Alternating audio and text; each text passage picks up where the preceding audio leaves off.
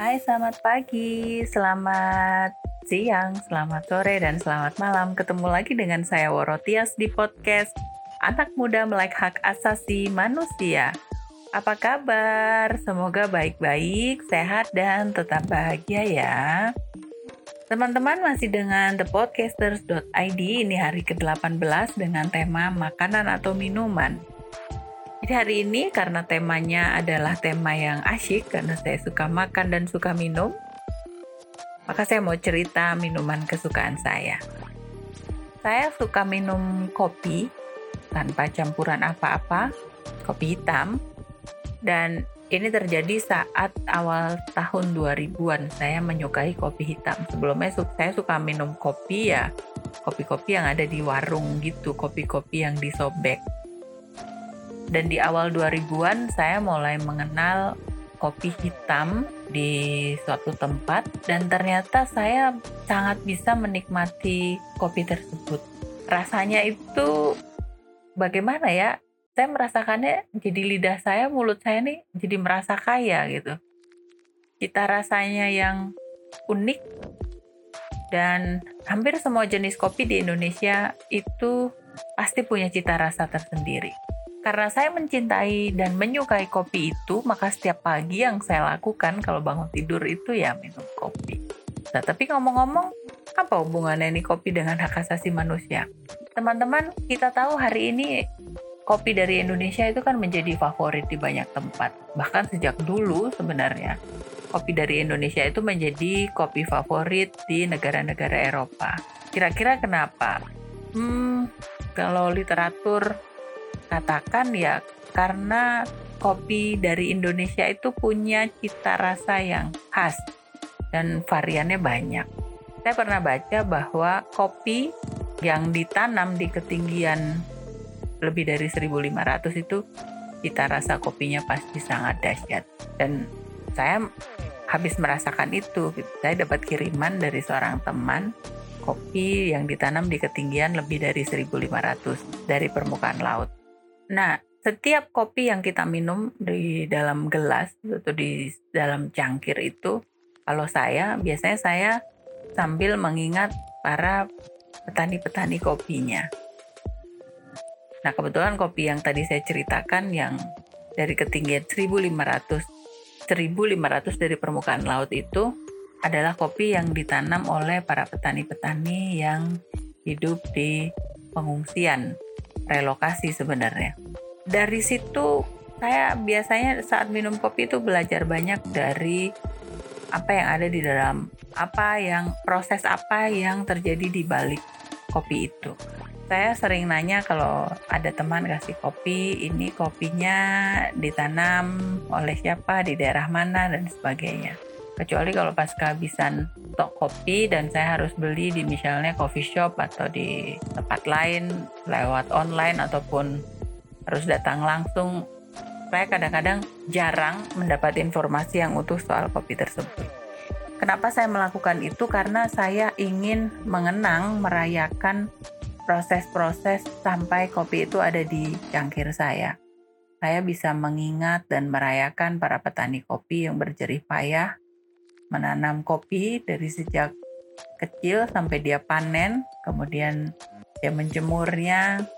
Saya menghargai juga teman-teman roaster yang membakar kopi-kopi tersebut dan akhirnya bisa sampai ke tangan kita.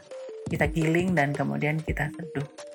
Saya sih sangat punya harapan besar bahwa para petani kopi ini ke depan menjadi sejahtera gitu, sejahtera bersama-sama oh, banyak banget para petani kopi itu yang sudah bertanam kopi lama tapi ya hidupnya gitu-gitu aja. Terus kemudian siapa yang untung? Entah tengkulaknya atau pembeli akhirnya atau kemudian siapa pun lah yang bisa menjual itu ke tempat yang lebih luas. Apakah itu salah? Tentu tentu tidak sih. Tapi bagaimana para petani itu tetap mendapatkan porsi yang layak jadi tata niaga, proses perdagangan yang berkeadilan itulah yang sebenarnya saya selalu ingin kulik, selalu ingin tahu. Kebetulan dulu di awal saya kerja, saya kerja di organisasi yang mempromosikan mengenai perdagangan berkeadilan. Dan dari situ saya tahu harusnya bagaimana kita menghitung sebuah margin, bagaimana kita bernegosiasi dengan buyer yang kemudian kita tetap menghargai pada produsen awalnya itu. Nah, pun begitu saya dalam melihat kopi di cangkir saya di pagi hari atau sore hari atau malam hari. Dari situ karena saya akan mengingat para petani-petani kopi dan para roaster dan siapa pun yang ada dalam proses sampai kopi itu ada di hadapan saya.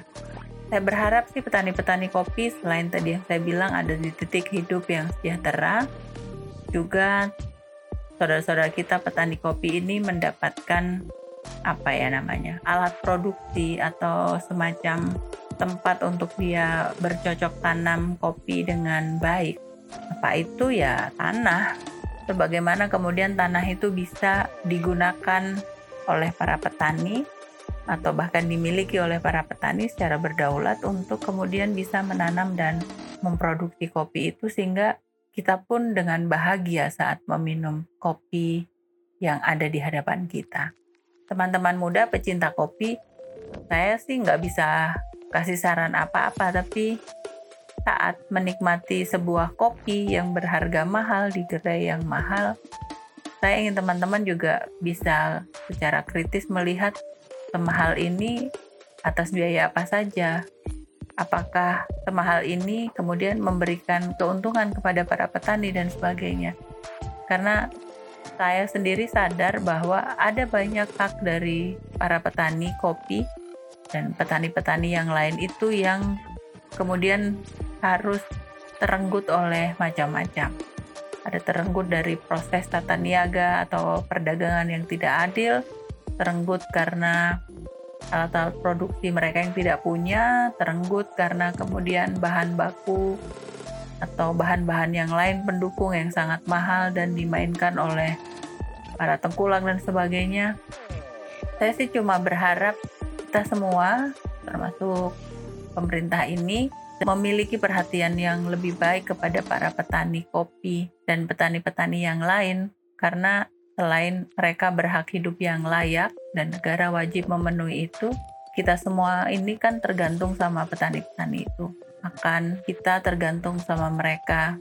Terus minuman kita kalau kita minum kopi juga tergantung sama mereka.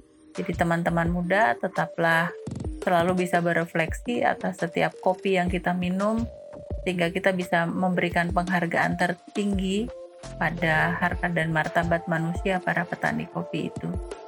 Entah dengan apa pun caranya, saya yakin teman-teman muda lebih banyak punya kreativitas untuk menuju ke sana. Terima kasih sudah mendengarkan podcast hari ini dan tetap terus belajar dan berproses karena anak muda melek ham, siapa takut dan pasti keren.